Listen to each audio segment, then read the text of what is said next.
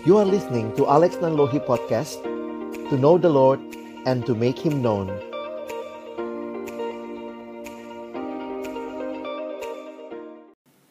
Mari kita berdoa sebelum kita membaca merenungkan firman Tuhan. Bapa di dalam surga, terima kasih banyak kesempatan malam hari ini. Kami boleh datang memuji, memuliakan namamu, menyembah engkau satu-satunya Tuhan dan Raja kami. Dan kesempatan malam hari ini kami akan membuka firman-Mu, bukalah juga hati kami. Jadikanlah hati kami seperti tanah yang baik supaya ketika benih firman-Mu ditaburkan boleh sungguh-sungguh berakar, bertumbuh, dan juga berbuah nyata di dalam hidup kami. Berkati hambamu yang menyampaikan firman, semua kami yang mendengar, Tuhan tolonglah kami semua, agar kami bukan hanya jadi pendengar-pendengar firman yang setia, tapi mampukan dengan kuasa, dengan pertolongan dari rohmu yang kudus. Kami dimampukan menjadi pelaku-pelaku firman-Mu di dalam kehidupan kami di dalam masa muda kami. Bersabdalah ya Tuhan kami anak-anakmu sedia mendengarnya dalam satu nama yang kudus, nama yang berkuasa. Nama Tuhan kami Yesus Kristus. Kami menyerahkan pemberitaan firman-Mu. Amin. Shalom, selamat malam. Silahkan duduk buat teman-teman yang ada di gereja. Sekali lagi saya bersyukur kepada Tuhan boleh melayani pada malam hari ini.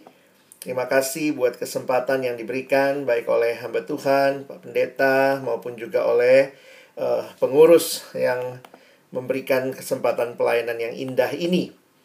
Tema yang diberikan kepada kita malam hari ini, wah ini menarik sekali ya. Hidup saleh di tengah dunia sekuler kita akan belajar Daniel-Daniel masa kini.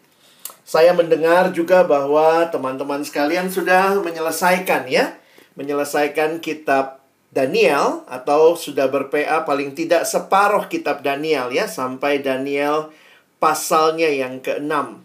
Nah, karena itu malam hari ini saya ingin mengajak kita melihat ya secara reflektif mungkin ya untuk menghayati tema yang diberikan kepada kita. Daniel seorang yang menarik sekali kehidupannya karena berbeda mungkin dengan yang lainnya. Kalau yang lainnya adalah orang-orang yang di Perjanjian Lama yang kita jumpai itu biasa disebut nabi, ya.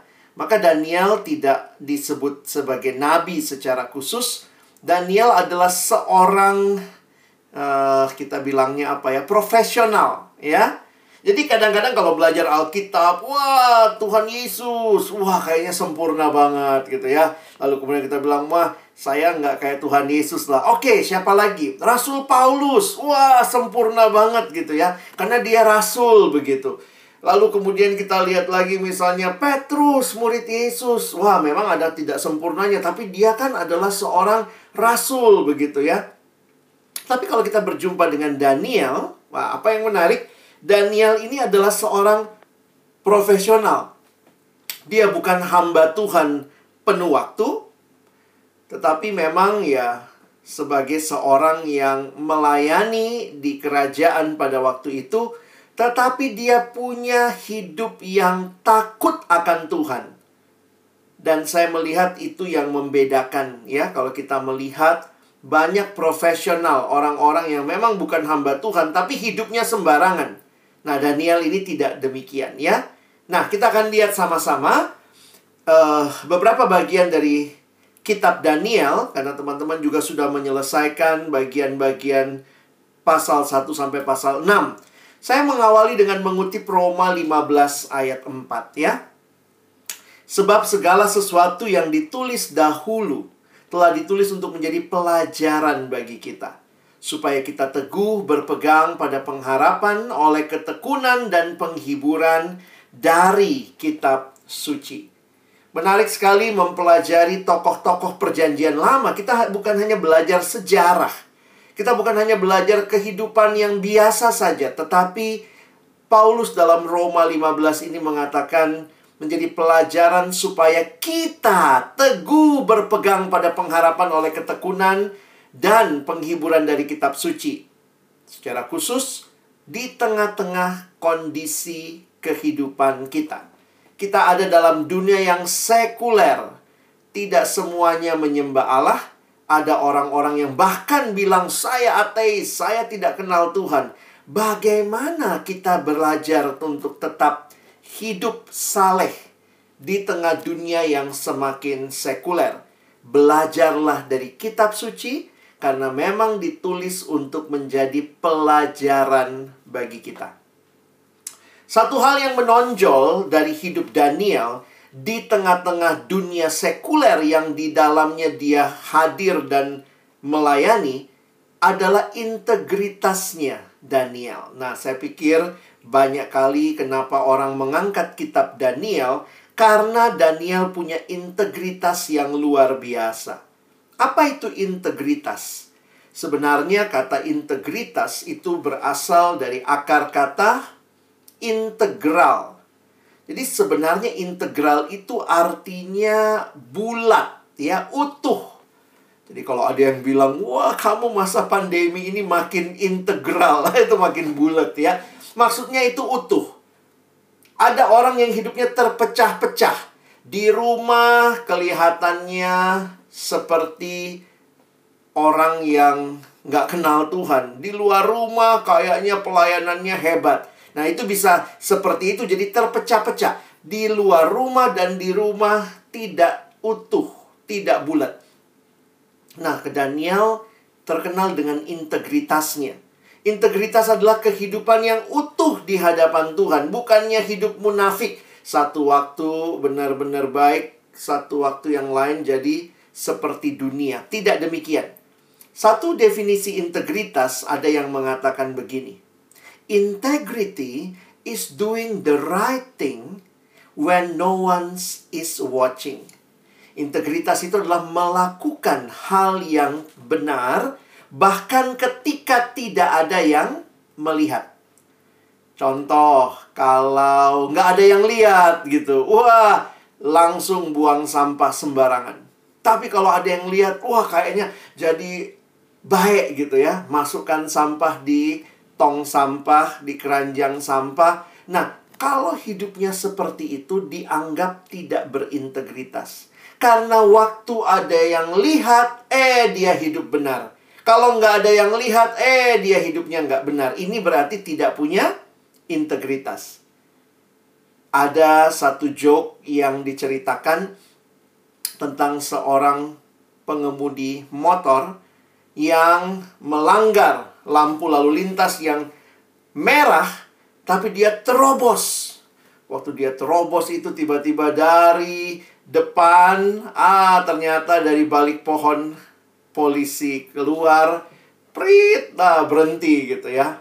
Lalu kemudian polisinya tanya, kenapa kamu melanggar lampu lalu lintas? Lalu dia bilang, habis saya pikir nggak ada pak polisi gitu ya.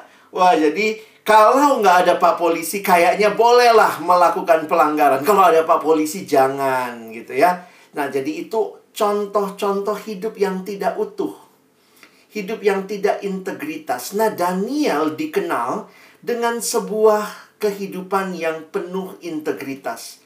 Di hadapan Allah dan di hadapan manusia Daniel hidupnya sama. Daniel hidupnya transparan.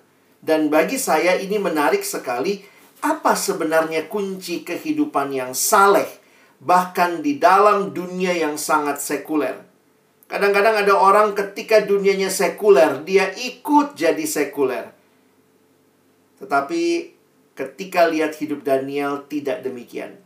Dia punya hidup yang transparan, sama di hadapan Allah, dan juga itu yang nyata di hadapan sesama. Saya mencoba menggali bagian ini dalam satu pemahaman bahwa kunci kehidupan yang saleh di tengah-tengah sekular yang terjadi, sekularisasi yang terjadi adalah belajar hidup di hadapan Allah. Saya memberi judulnya begini, Daniel itu kenal siapa Allahnya. Nah, ini yang saya pikir akan penting sekali buat kita yang mau meniru hidupnya Daniel, maka lihatlah apakah engkau juga mengenal siapa Allah? Kenapa Daniel bisa bertahan? Karena dia kenal siapa Allah. Dan pengenalannya adalah pengenalan yang transformatif. Maksudnya apa? Pengenalan itu membawa kehidupan Daniel juga mengalami perubahan. Bukan sekadar pengenalan secara intelektual. Oh, saya tahu Allah hadir. Oh, saya tahu Allah berkuasa. Tetapi itu mengubah hidup Daniel dan kawan-kawannya. Pengenalan akan Allah adalah sebuah pengenalan yang transformatif. Malam hari ini saya mengangkat satu ayat saja sebagai ayat kunci refleksi kita, yaitu di dalam Daniel pasal yang kelima. Ayat yang ke-23. Nah, teman-teman yang sudah pernah PA, sudah pernah belajar dari Daniel pasal 5, kita tahu ceritanya Raja Belshazzar kemudian mengambil perkakas dari rumah Allah, dia pakai makan dan minum dengan semua orang yang dia undang. Dan pada waktu itu mereka bukan hanya makan dan minum. Perhatikan. Kita lihat Daniel 5:23 saya bacakan ya. Ini kalimat Daniel kepada Belshazzar. Tuanku meninggikan diri terhadap yang berkuasa di sorga perkakas dari baitnya dibawa orang kepada tuanku, lalu tuanku serta para pembesar tuanku, para istri dan para gundik tuanku telah minum anggur dari perkakas itu. Tapi bukan cuma itu. Perhatikan, tuanku telah memuji-muji dewa-dewa dari perak dan emas, dari tembaga, besi, kayu, dan batu. Jadi yang mereka lakukan bukan hanya menggunakan perkakas itu, tetapi nampaknya mereka memuja, memuji, dan ini adalah sebenarnya berhala yang seharusnya tidak dipuja dan dipuji. Hanya Allah yang harusnya dipuja dan dipuji. Karena itulah maka muncul punggung tangannya yang menulis di tembok mene mene tekel ufarsin. Dan akhirnya tidak ada yang bisa mengartikan itu. Dicarilah siapa yang bisa mengartikan. Nah, ketemulah Daniel singkat cerita. Nah, sebelum Daniel memberitahu apa arti tulisan itu, ini kalimat Daniel. Nanti teman-teman bisa membaca Daniel pasal 5 sebelum ayat 23. Jadi Daniel diminta mengartikan apa arti tulisan itu, tetapi sebelum dia mengartikan, dia tanda kutip kalau saya pakai istilah dia menegur Raja Belsasar. Bayangkan dia ngomong begini, Tuanku menikah diri terhadap yang berkuasa di sorga. Dia menegur Belsasar yang waktu itu bukan hanya makan dan minum dari perkakas-perkakas dari bait Allah, tetapi telah memuji-muji dewa-dewa dari perak dan emas, dari tembaga, besi, kayu, dan batu. Perhatikan yang saya garis bawahi.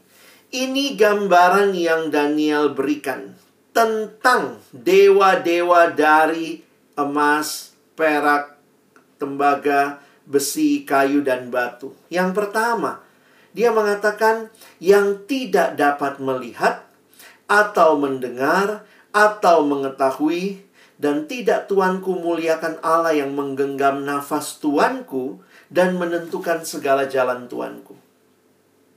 Teman-teman yang dikasihi Tuhan perhatikan. Inilah gambaran yang nampaknya Daniel lihat tentang berhala-berhala yang mati. Tidak dapat melihat, tidak dapat mendengar, tidak dapat mengetahui, tidak Tuhan memuliakan Allah yang menggam nafas Tuanku dan menentukan segala Tuhan, Tuhan eh, jalan Tuanku. Teman-teman saya ingin mengajak kita merefleksikan kalau begini berhala, Kira-kira seperti apa penghayatan Daniel terhadap Allahnya? Kalau Allahnya berhala-berhala ini adalah Allah yang mati, maka sebenarnya bagi saya yang menarik, Allahnya Daniel adalah Allah yang hidup. Kalau berhala-berhala tidak dapat melihat, bagaimana Allahnya Daniel? Dia Allah yang melihat. Bagaimana Allahnya Daniel kalau berhala-berhala tidak dapat mendengar? Allahnya Daniel Allah yang mendengar. Bagaimana ketika berhala-berhala adalah tidak dapat mengetahui. Allahnya Daniel Allah yang mengetahui. Allahnya Daniel Allah yang menggenggam nafas hidup manusia. Dan Allah yang menentukan jalan hidup manusia.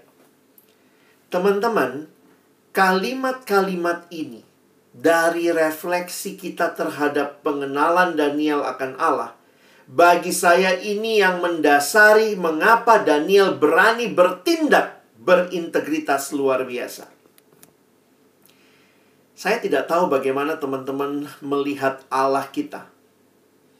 Apakah kita percaya Dia Allah yang melihat, mendengar, mengetahui, menggenggam nafas hidup, dan menentukan jalan hidup manusia? Kenapa Daniel nggak takut mati ya? Karena dia tahu hidupnya itu di dalam genggaman Allah. Kenapa Daniel berintegritas? Dia tahu Allahnya Allah yang me melihat. Jadi saya ingin ingatkan teman-teman sekalian, kunci hidup berintegritas, hidup saleh di tengah masyarakat yang semakin sekuler, kenali siapa Allahmu dan bertindaklah dalam hidupmu berdasarkan pengenalanmu itu. Daniel bukan cuma tahu Allah secara kognitif, tetapi dia mengalami transformasi sehingga hidupnya saya lihat seirama dengan pengenalannya. Saya ulangi. Hidup Daniel itu seirama dengan pengenalannya. Kadang-kadang kalau kita terpi, kita pisahkan ceritanya, kita bilang, wih Daniel berani banget ya. Tapi kenapa dia berani? Kenapa dia nggak takut mati? Karena dia tahu Allahnya, Allah yang menggenggam nafas hidup. Siapa yang pegang kehidupan? Raja atau Allah? Nah, nanti kita lihat sama-sama ya. Oke, nah jadi kalau kita pelajari kisahnya Daniel, saya pikir teman-teman sudah pelajari ya. Uh, malam ini abang review saja buat kita ya. Kita review sedikit Daniel pasal 1 sampai Daniel pasal 6. Kita tahu pada waktu itu Daniel adalah orang muda yang termasuk diangkut ke pembuangan ke Babel. Karena Israel berdosa di hadapan Allah, kita tahu bahwa Allah membuang mereka ke Babel. Dari mana? Dari Yerusalem, lihat itu sebelah kiri, lalu dibawa ke Babylon, ya, sebelah kanan itu.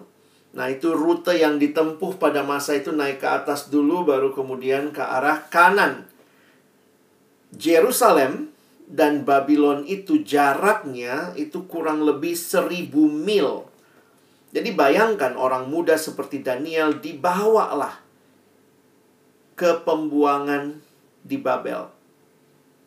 Nah, pada waktu itu yang menarik karena Raja Babel kan menaklukkan Yerusalem dan memang strateginya Raja Babel yaitu Raja Nebukadnezar dia cari pemuda-pemuda yang excellent, brilliant dari seluruh wilayah kekuasaannya untuk dibina dan dipersiapkan bekerja di istana Raja Babel. Siapakah mereka? Sebenarnya saya bilang begini ya, ini kayak perekrutan ITB, Institut Teknologi Babel. Ha, Daniel dan kawan-kawannya masuk ITB ya. Kalau kalian baca Daniel pasal 1 kita tahu kan, menerima mahasiswa baru. Kira-kira kalau sekarang dibuka lowongannya, dikatakan berasal dari keturunan raja atau kaum bangsawan. Berarti berdarah biru ya Usianya, nah ini usia orang muda, kemungkinan sekitar 15 tahun. Alkitab menulis tidak bercela, berarti tidak ada cacat fisik. Lalu kemudian kita memperkirakan ya, karena dia harus uh, dites gitu ya. Dan Daniel dan teman-temannya pasti pinter ini ya.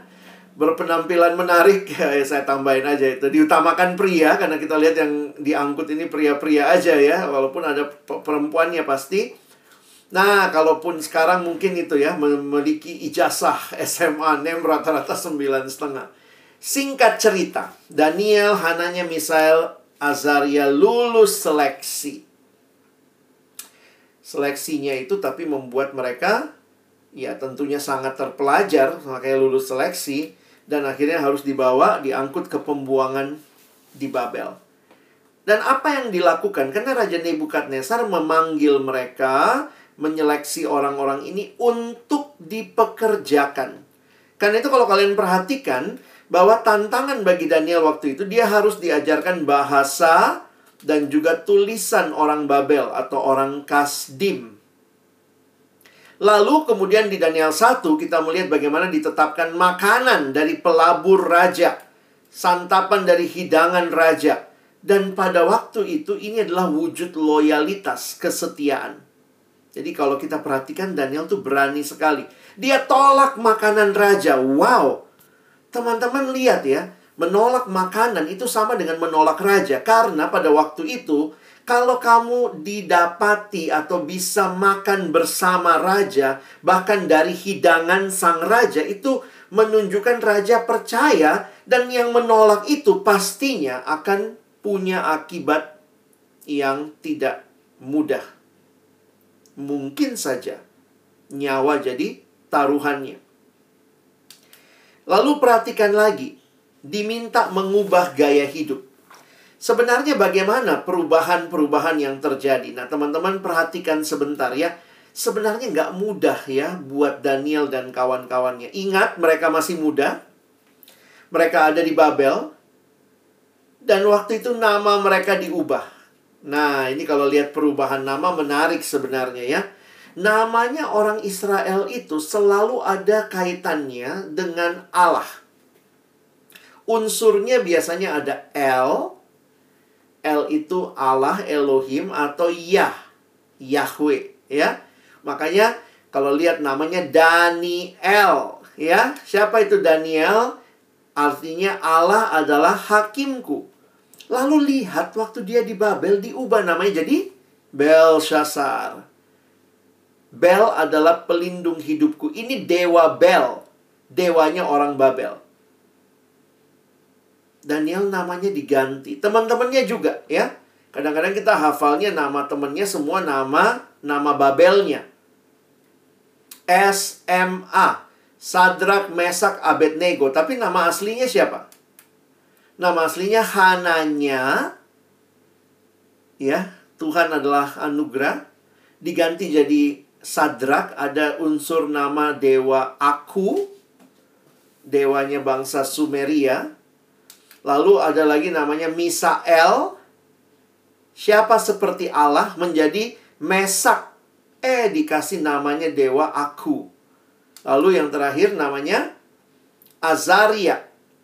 Tuhan yang menolong. Asariyah Yahweh menjadi Abednego, pelayan dari Nabu. Siapa itu Nabu? Adalah anak dari dewa Bel. Jadi lihat ya teman-teman, tidak mudah pasti karena Daniel dan kawan-kawannya bukan hanya dibawa ke Babel, mereka berusaha diganti identitasnya, dikasih nama baru. Inilah yang terjadi dengan sekularisasi. Sekularisasi berubah menggan, berusaha mengubah identitas. Kalau kita nonton iklan-iklan gitu ya. Kamu remaja masa kini kalau kamu misalnya isep rokok ini. Ya, jadi kayaknya dikasih identitas yang baru. Nanti sebenarnya kalau teman-teman pelajari, menariknya begini. Waktu namanya Daniel dan kawan-kawannya diubah, kok dia tidak protes ya? Karena saya membayangkan gini, Daniel bisa ngomong gini kali ya kalau kita wawancara, Pak Daniel, kenapa diganti namamu, kamu kok nggak masalah? Mungkin Daniel akan ngomong, tidak masalah nama. Karena itu cuma penggantian dari luar, tapi dalamnya saya tetap Daniel. Allah adalah hakimku. Tetapi ketika diminta makan dari makanan raja, nah di sini Daniel bertindak. Kalau teman-teman perhatikan ceritanya, ketika harus mengubah makan dari santapan raja berarti kompromi. Berarti ikut di dalam bagian bangsa Babel. Saya coba cek, kenapa sih nggak mau makan dari makanan raja? Karena ternyata makanannya Raja Babel adalah makanan-makanan yang haram buat orang Israel. Salah satunya orang Babel tuh makan kuda. Sementara dalam Alkitab Perjanjian Lama tidak boleh. Itu binatang yang terhitung haram. Jadi, Waktu nama diubah, mereka tidak protes. Tetapi ketika mereka diminta mengubah gaya hidup mereka, Diminta mengubah siapa yang sebenarnya mereka sembah. Kalau mereka makan dari makanan raja berarti mereka ikut di dalam menyembah Allahnya orang Babel, maka Daniel dan kawan-kawannya menolak. Wow, buat saya ini luar biasa. Teman-teman, Daniel menolak. Itu berarti dia melawan ketetapan raja. Tetapi Tuhan berikan hikmat, maka Daniel bilang, "Coba adakan percobaan." Yang satu kasih makanan raja. Nanti kami kasih aja makanan sayur-sayuran gitu ya. Dan ternyata Tuhan memberkati dan akhirnya mereka bahkan lebih sehat, lebih pintar begitu. Nah, teman-temanku yang dikasihi Tuhan, apa yang kita pelajari dari hal ini? Kenapa Daniel berani menolak? Muncul pertanyaan saya, apakah Raja Babel hanya membawa empat orang pemuda Yahudi? Pasti tidak ya. Tapi pertanyaannya di mana ya teman-temannya Daniel? Kira-kira di mana teman-teman yang lain ya? Atau mungkin mereka sudah terkena pengaruh sekularisasi. Salah satu yang menarik bagi saya adalah meskipun di Babel, Daniel tetap hidup di hadapan Allah. Mungkin teman-teman rasanya biasa ya. Tetapi kalau kita mengerti konteksnya waktu itu, ini luar biasa. Kenapa begitu? Pada masa perjanjian lama, itu bangsa-bangsa lain punya pemahaman politeis. Hanya orang Yahudi yang punya pemahaman monoteis. Allah cuma satu. Bangsa lain politeis, makanya dewanya tuh banyak begitu ya. Nah, yang menarik adalah begini. Dewa dewi pada waktu itu sifatnya lokal. Jadi contohnya, mereka mengertinya kalau Allah Mesir ya dia hebatnya berkuasanya di Mesir. Kalau Allahnya Babel, ya dia berkuasanya di Babel. Kalau dia pindah lokasi, maka harus pindah ikutin Allah mana yang di lokal itu. Allah setempat. Jadi Allah pada masa itu, kalau pindah sedikit roaming, teman-teman ya. Allahnya itu hanya yang lokalnya. Tetapi yang menarik adalah, buat Daniel. Waktu dia di Yerusalem, Allahnya Yahweh. Waktu dia di Babel, penghayatan dia Allahnya tetap Yahweh. Teman-teman yang dikasihi Tuhan, bagi saya ini menarik. Allah yang dikenal Daniel di Israel, dia Allah juga yang berkuasa semesta langit, semesta alam. Dia tidak hanya berkuasa di Yerusalem. Di Babel dia tetap Allahnya. Dia tetap Allah yang melihat, mendengar, mengetahui, menggenggam nafas hidup, menentukan jalan hidup manusia. Karena itu teman-teman, perhatikan.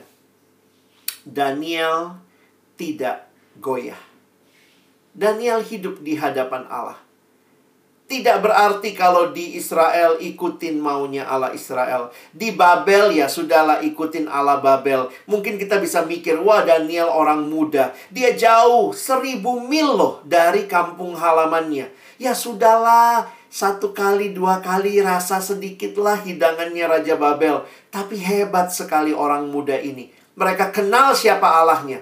Allahku bukan hanya di Yerusalem, di Babel pun dia tetap Allahku. Saya tetap ikut perintahnya. Daniel kenal siapa Allahnya. Karena itu dia utuh, dia tidak berubah. Nanti begitu sampai Babel, ikutin Allah Babel. Nanti sampai lagi di daerah lain, ikutin Allahnya. Tidak. Dia pegang Allah yang hidup. Yang berkuasa di seluruh bumi. Teman-teman, apa tantangan yang Daniel hadapi? dalam mempertahankan integritas hidupnya. Sebenarnya kita bisa lihat ya, hanya dua kemungkinan kan. Daniel mau jadi oposisi, melawan kehendak raja, atau kompromi. Dan ini saya nggak tahu ya kalau Daniel kompromi ya pasti kan dia dapat macam-macam ya. Kadang-kadang dalam dunia ini kan ditawarkan entah itu harta, kedudukan, nilai-nilai hidup, dan sebenarnya bahkan nyawa. Beberapa kali di dalam kitab Daniel, kita melihat baik Daniel maupun teman-temannya nyawanya di ujung tanduk. Perhatikan Daniel 3 misalnya ya. Waktu raja Nebukadnezar membuat patung emas dengan tinggi segitu lalu kemudian semua disuruh menyembah. Teman-teman Daniel tidak mau menyembah. Bahkan lihat Daniel 3. Mereka berkata, "Tidak ada gunanya kami memberi jawab kepada tuanku dalam hal ini." Jika Allah yang kami puja sanggup melepaskan kami, maka ia akan melepaskan kami dari perapian yang menyala-nyala itu. Dan dari dalam tanganmu ya Raja. Saya pikir kok berani banget orang-orang ini. Siapa yang sebenarnya membuat mereka berdiri teguh? Mereka kenal siapa Allahnya. Karena itu mereka berani mengambil tindakan. Tidak kompromi. Dan kita lihat di ayat 19 ya diperintahkan dibuat tujuh kali lipat lebih panas dari biasanya. Lalu masuklah kemudian dibawa mereka ke sana. Jadi kalau saya perhatikan beberapa kali dalam situasi yang sulit nyawanya Daniel terancam. Nyawa teman-temannya terancam. Kalau Daniel terancam coba lihat ya. Salah satu yang menarik Daniel ini seorang yang berdoa, tapi gara-gara doanya nyawanya terancam ya di Daniel pasal 2, nah ini kita sudah pelajari juga berarti ya. Ketika Raja Nebukadnezar tidak mengerti mimpinya, dia nggak tahu bagaimana mengartikannya, lalu Nebukadnezar ini mau melenyapkan semua orang pintar. Perhatikan, itu berarti Daniel kena ya, ayat 13. Maka Daniel dan teman-temannya pun terancam akan dibunuh. Apa yang Daniel lakukan? Ancamannya nyawa ini, ayat 18. Daniel pulang memberitahukan dengan maksud supaya mereka memohon kasih sayang kepada Allah semesta langit. Apa yang dia lakukan? Berdoa. Bersama teman-temannya berdoa. Jadi dia kenal siapa Allahnya. Kenapa dia berani berdoa? Karena Allahnya Daniel Allah yang mendengar doa. Dia bukan hanya Allah yang berkuasa di Yerusalem, dia Allah semesta langit. Teman-teman, kalau kamu tidak yakin punya Allah yang mendengar doa, ngapain berdoa ya? Tapi ini orang muda yang hebat sekali. Sekularisasi terjadi, ancamannya nyawa, tetapi mereka tahu ada Allah yang mendengar doa mereka. Kadang-kadang orang mikir mikir gini, ngapain berdoa? kuno amat kayak orang zaman dulu aja pakai doa-doa.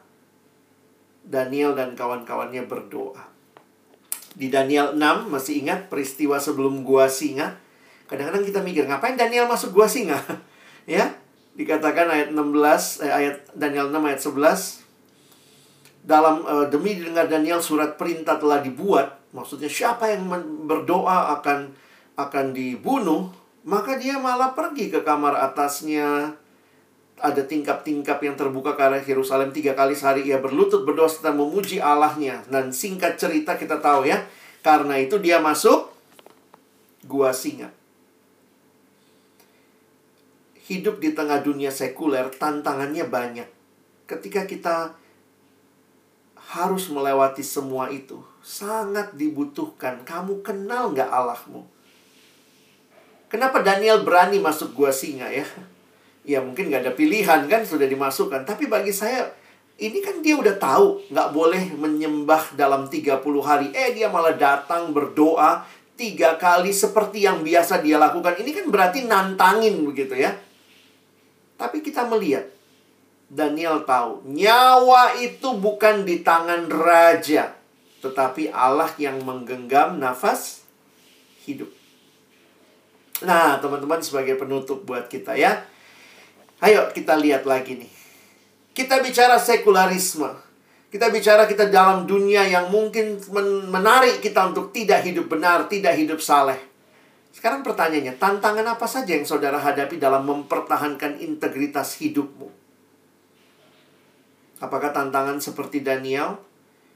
Saya suka mengkontraskan dua kerajaan. Satu kerajaan dunia itu nilainya is, is, is egois, pragmatis, hedonis, konsumeris, materialistis, dan is-is yang lain. Silakan tambahkan sendiri.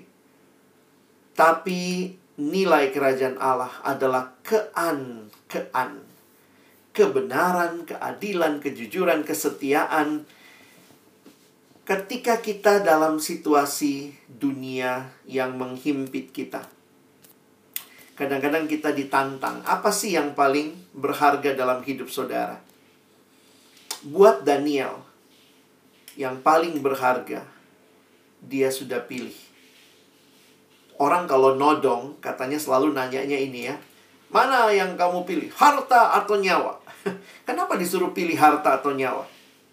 Kalau teman-teman memilih harta, berarti itu menunjukkan yang buat kamu lebih penting harta. Coba kalau dikasih pilihan harta atau nyawa, kita pilih yang mana? Pasti bilang, wah nyawa lah Pak Pendeta, kayaknya nyawa tuh paling ini ya. Harta atau nyawa lebih berharga nyawa. Ngapain punya harta tapi nggak punya nyawa gitu ya? Maunya sih punya nyawa. Sekarang pertanyaannya begini kadang-kadang dalam sekularisasi dunia yang tidak kenal Tuhan ini, tantangannya bukan harta atau nyawa. Tapi kita mungkin ditantang, mana lebih berharga? Yesus atau nyawamu? Kalau kamu memilih nyawamu, berarti dirimu lebih penting dari Yesus. Tapi kalau kamu bilang, saya memilih Yesus, berarti pertanyaannya, rela kehilangan nyawa demi Yesus? Daniel tidak pilih tahta, tidak pilih harta, dia pilih Allah. Karena itu dia masuk gua singa. Teman-temannya memilih Allah, karena itu masuk dapur perapian. Tapi kenapa dia berani tetap pilih Allah? Karena Daniel kenal siapa Allahnya. Untuk engkau dan saya bertahan di dalam dunia ini, kenali siapa Allahmu. Dan hiduplah, tunjukkan kepada dunia bahwa Yesusku itu lebih berharga daripada hidupku. Kenapa? Karena kita punya Allah. Dia Allah yang melihat. Dia Allah yang mendengar. Dia Allah yang mengetahui. Dia Allah yang menggenggam nafas hidup manusia. Dia Allah yang menentukan jalan hidup manusia. Kenapa teman-teman di tengah dunia ini kita jadi orang Kristen tetap berdoa? Kita tahu Allah mendengar. Kenapa waktu kita sedih, kita merasa tertekan, kita nyanyi Allah mengerti, Allah peduli segala persoalan yang kita alami. Kita tidak takut akan kematian. Karena kematian itu bukanlah satu hal yang kita takutkan karena nyawa itu adanya bukan pada raja, pada ancaman raja tapi adanya pada Allah sendiri. Jadi teman-teman malam hari ini kesimpulan sederhana dari kitab Daniel yang kita sudah pelajari bagaimana hidup bertahan di tengah-tengah situasi yang semakin sekuler. Bagaimana hidup saleh, hidup benar. Kenal siapa Allahmu. Dan kalau engkau kenal Allahmu, maka meskipun di sekelilingmu begitu rupa tidak takut akan Allah, kamu memilih. Saya tetap mau taat sama Allah. Semua nyontek. Saya nggak mau nyontek. Kenapa? Saya memilih. Saya kenal siapa Allahku. Kalau saya nyontek, Allah lihat, Allah tahu, dan Allah sedih. Tidak, saya tidak mau hidup seperti itu. Semua hidup seenaknya, mendukakan Allah. Tidak, saya memilih hidup benar buat teman-teman yang sedang merajut masa depan. Kadang-kadang kita takut ya. Ada yang bilang nyogok aja lah biar cepat masuk. Ya udahlah bayar aja lah supaya licin jalannya.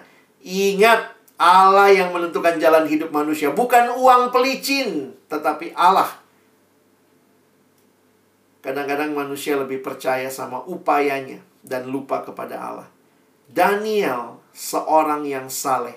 Karena dia kenal siapa Allahnya. Mari teman-teman terus bertumbuh. Terus bangun hidup yang mengenal Allah. Nikmati firman Tuhan setiap hari. Nikmati komunitas persekutuan yang membangun hidup kita. Dan mari hadir dalam dunia. Bukan mengikuti dunia. Tapi mari bahkan membawa dunia mengikut kita. Daniel dalam beberapa kesempatan kalau teman-teman baca Akhirnya, justru karena dia tetap pegang kepada Tuhan, raja melihat dan kemudian raja berkata, Allahnya Daniel, inilah Allah yang benar.